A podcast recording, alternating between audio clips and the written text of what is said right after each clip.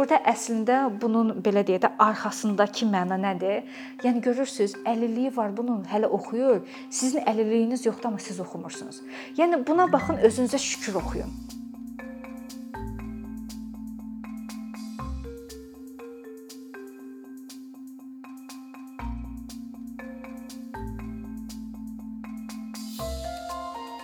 Bir çox ifadələr var ki, biz onu düşünərəkdən və ya da düşünmərəkdən istifadə edirik. Əslində o ifadələr var ki, o ifadələr insanlara qarşı diskriminativ bir yanaşmanı ortaya qoyur və bu yanaşmaları belə deyək də, mən ümumiləşdirib araşdırmalarım əsasında bir belə ad yaratmışam ki, inklüziv cəmiyyətin və ya da inklüziv dilin qrammatikasını pozan qaydalar. Bunlar nələrdir? Birinci başlayaq ableizmdən. Ableizm ingilis dilində e, ifadədir. Azərbaycan dilində biz buna sosial qərəz də deyə bilərik. Bu nə ifadə eləyir? Əlilliyi olmayan insanların elə bir xeyrinə, əlilliyi olan insanlara qarşı istər düşünülmüş olsun, istər düşünülməmiş sosial qərəzli yanaşmadır.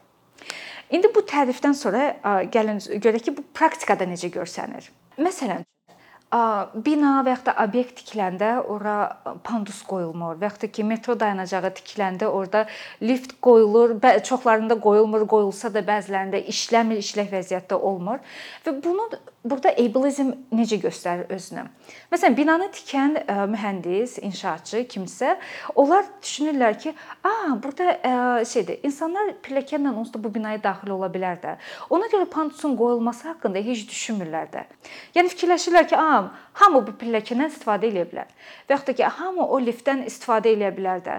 Və yaxud da ki, ay, bu liftdən yəqin ki, çox da adam istifadə eləmir. Bəzən görürsünüz ki, işlək vəziyyətdə də olmur. Bunun özündə ableizmdir. Və yaxud da məsələn üçün insanlar var ki, əlilliyi olan insanlar üçün o parking, maşın saxlama ərazisi olur. Orda gəlib maşını saxlayır və düşünür ki, və gedir. Bu düşünülməmiş sosial qərəz sayılır. Niyə? Çünki insan orada əslində maşını park eləməklə düşünür ki, "Ah, onsuz da bura kim park eləyəcək ki?" Yəni əlilliyi olan insan çöldə e, evdən çölə çıxırmı ki, gəlib hələ bir burada park eləsin də maşınını. Məsələn, digər bir nümunə göstərək, ableizm e, sosial qərəz üçün.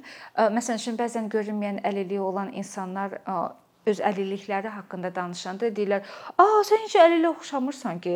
Vaxtı sən heç heç bilməzdim ki, məsələn, sənin disleksiyan var. A, heç mən bilmirdim ki, səndə məsələn üçün ürəklə bağlı problemlərin var." Bu və yaxud da ki, nə bilim, psixoloji çətinlik var. Nəsə belə bir şeylər. Yəni insanlar o yenə də düşüncə nədir? Əlilliyi olmayan insan prioritetdir. Nə olsa da onu ilə müqayisə eləyirəm.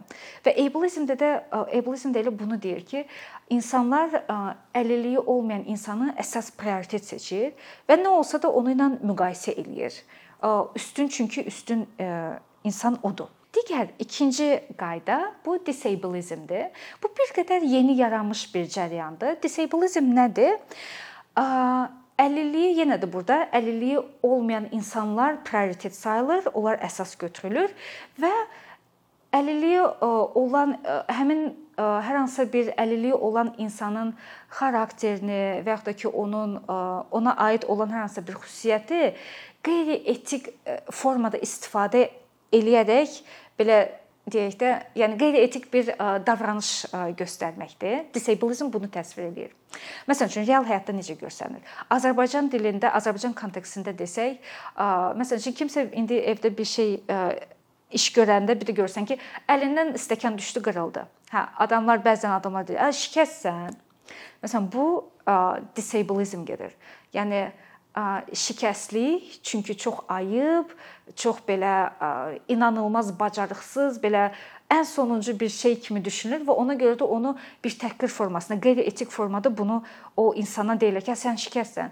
Və ya da məsələn üçün elə indi gələndə avtobusla gəlirdim. Məsələn üçün dayanacaqda sərnişin deyir ki, burada saxla, sürücü də eşitmədi, sürüb gedirdi. Məsələn, qışqıraraq deyir, "Karsan, eşitmirsən?" Deyirəm axı sənə saxla. Və da bizim atalar sözümüzdür. O qədər atalar sözümüz var elənçində. Məsələn deyir, "Qonşu qonşu olsa, kör qızım ərə gedər." Belə bir bizim ifadəmiz var. Karın könlündən keçən. Üçüncü qaydamız eufemizm, Azərbaycan dilində desək yersiz mübaliğə yersiz mübaliğə deyəndə nəyi nəzərdə tuturlar? Əlilliyi, əlillik haqqında insanlar danışmaq yerinə onu başqa təmtəraqlı ifadələrlə belə danışmağı daha üstün tuturlar və burada necə deyirlər, yəni həm özlərinin, həm də qarşı tərəfin rahat hiss eləyəcəyini düşündüyü ifadələr işlədirlər. Məsələn, sizə bir misal çəkim. Həyat bilgisi 3-cü sinif, desən səhifə 14-də idi. Belə bir hekayə verilmişdi. Məktəb ili başlayır və bizim sinifə əlil arabası istifadə edən bir qız qatılır və ilk dəfədir ki, bizim sinifə e, belə bir sinif yoldaşımız gəlib və Qısa müddət ərzində biz hamımız onu çox sevdiyi ətrafına toplaşdıq və o o qədər ağıllıdır ki, biz hər dərsin sonunda ondan e, bir şey soruşub bir məsləhət alırıq. Əslində bu əli qızın əlilliyinin olduğunu onu göstəriblər, açıq-aydın. Amma o qızın bacarıqlarını belə xüsusi mənə e, mənə görə burada xüsusi qabardılmaqla məqsəd nədir? O əlilliyi olan insanın əslində o sinifdəki digər uşaqlarla eyni bacarıqlara sahib olduğunu göstərmək və yəni bu ağıllı uşaqdır. Yetər ki, siz də qəbul eləyin. Çünki bu da ağıllıdır. Çünki o cəmiyyətdə bir fikir var da ki, əlilliyi o insanlar bacarıqsızlar, onlar bir işə yaramırlar. Yəni çox diskriminativ də olsa bu fikirlərin çoxusu var idi Azərbaycanda və deyərdim ki, hələ də biraz da ünsürləri qalıb. Yəni o yetər ki, o uşağı qəbul eləyin. Və bu özü eufemizmin bir nümunəsidir. Və ya da digər ikinci bir nümunə göstərdim. Deyirlər ki, eşitməyən insanlar dodaqdan çox gözəl oxuyurlar. Mən onu sizə əmin eləyim ki, bu eşidən insanların yaratdığı ən böyük miflərdən biridir və burada elə bir xüsusi bir bacarıq yoxdur. O bacarıq, yəni məsəl üçün düşünün indi özünüz, hamımız mı danışanda dodağımızı bütün o hərflərin artikulyasiyasına uyğun şey açıb danışırıq? Yox, onu yəni dodaqdan oxumaq xüsusi bir bacarıqdır və bunu öyrədirlər. Eşitməyən uşaqlara bunu surda pedaqoq öyrətməsə, o uşaq dodaqdan heç kimi oxuya bilməz. İndi keçək 4-cü qaydamıza. 4-cü qaydamız inspirational porno deyilir ingilis dilində. Azərbaycan dilində biz bunu şövq verici təsvir deyə ifadə edə bilərik. Bunun yaradıcısı əslində Stella Youngdır. O özü əlilliyi olan bir hüquqşünas idi və uzun yəni yəni dünyadan keçənə qədər o əlilliyi olan insanların hüquqları üzrə aktivist kimi işləyib və çox yaxşı da zarafatları var idi. o bu ifadəni ilk dəfə o yaradıb. Şövq verici təsvir nə nə deməkdir? Yəni media vasitələrindən, şəkillərdən istifadə eləyərək əlilliyi olan insanları obyektivləşdirmək obyektivləşdirmək deməkdir. Və bu obyektivləşdirmədə nədir? Əlilliyi olmayan insanların özlərini rahat hiss etmələri üçün obyektivləşdirmədir. Real həyatda bu necə görsənir?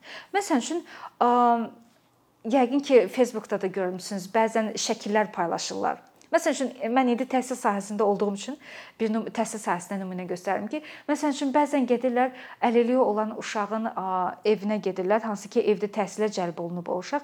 E, o uşağın evinə gedirlər və şəkil çəkib paylaşırlar ki, baxın görürsüz, əlilliyi olsa belə bu yenə də oxuyur, yenə də şeydir, mübarizə aparır, yaxşı oxuyur, nə bilim bir şeyə nail olmağa çalışır. Bunun Stella Young-ın konseptinə görə burada əslində bunun belə deyək də arxasındakı məna nədir? Yəni görürsüz, əlilliyi var bunun, hələ oxuyur. Sizin əlilliyiniz yoxdur, amma siz oxumursunuz. Yəni buna baxın, özünüzə şükür oxuyun. Stella Young-ın ideyası nə idi? Deyir, əslində hər birimiz istər əlilliyimizdən asılı olmayaraq hər birimiz bədənimizdən maksimum istifadə eləməyi öyrənirik. Çünki günün sonunda hamımız insanıq və insan olduğumuz üçün də biz hamımız eyni cür inkişaf eləyirik. Fərqi yoxdur. Siz məsəl üçün gözünüzlə oxuyursunuz, bəziləri barmağı ilə oxuyur. Siz məsəl üçün əlinizlə yemək yeyə bilərsiniz, bəziləri ayaq barmaqları ilə yeyə bilər. Fərq odur ki, biz bir şeyi müxtəlif yollarla eləyirik və sonunda hamımız insanıq və hamımız da maksimum bu həyatda öz bədənimizdən necə məhsuldar, yəni istədiyimizi eləmək şəklində necə istifadə edə bilərik, onun üzərində düşünürük. düzdür, bizim cəmiyyətdə biraz o fikir var. O tək bizim cəmiyyətdə deyil, bir çox cəmiyyətlərdə var ki, insanlar əslində küçədə birini görəndə ay yazıq, ay xəstə, bir belə qəmli-qəmli baxışlarla baxırlar və insanlar düşünür ki, əslində bu ona onlar sevgisini göstərir. Yəni o əliyi olan insana bir dəstəyini göstərdiyini düşünür. Amma əslində bu şey dəstək deyil. Bu sevgi deyil kiməsə yazıq gəlmək bu dəstək və ya da sevgi nümunəsi ola bilməz. O həmin insana diskriminativ yanaşmadır. Yəni özündən aşağı baxmaqdır. O ableizmdə dediyimiz kimi əlilliyi olmayan insanı prioritet əsas saymaqdır ki, bundan aşağı bunun kimi əlilliyi olmayan insan kimi görməyənlər aşağıdır, yazıqdır. Və ya da ki əl, eləncini əlilliyi olan insan görəndə və yaxud da ki düşünürlər, "A, mən bunun əlilliyini maksimum gizlətməliyəm, bunu daha yaxşı təsvir etməliyəm. Bunu güclüdür, sən bacararsan. Bax görürsən, sənin qolun yoxdur, amma ağırlıq qaldırırsan, sən sən güclüsən." Yəni o yersiz mübaliğələrlə düşünürlər ki, insanlar sevgilərini, onlara qayğılarını göstərir. Əslində bu həmin insanın özlüyünə şəxsiyyətinə bir diskriminasiya sayılır. Yəni sən əslində o insanın gücünü olduğu kimi qəbul eləməkdən yayınırsan. Ona görə də çalışaq ki, o həm sosial qərəzli yanaşmamızdan, o danışanda o qeyri-etik ifadələri işlətmək, hansı ki, o bayaq dedi ya, şikəstsən, körsən, o ifadələri işlətməkdən yayınaq, yersiz mübaliğələri dən uzaq duraq. İnsanlar necədirsə özləri olduğu kimi onları təsvir eləyib eləncəni də qəbul eləmək və sonradan da Yəni ona buna baxıb özümüzə şükür oxumayaq. Sadəcə öz bacarıqlarımıza, öz uğurlarımıza baxıb, ona uyğun da özümüzə şükür eləyib irəli baxaq.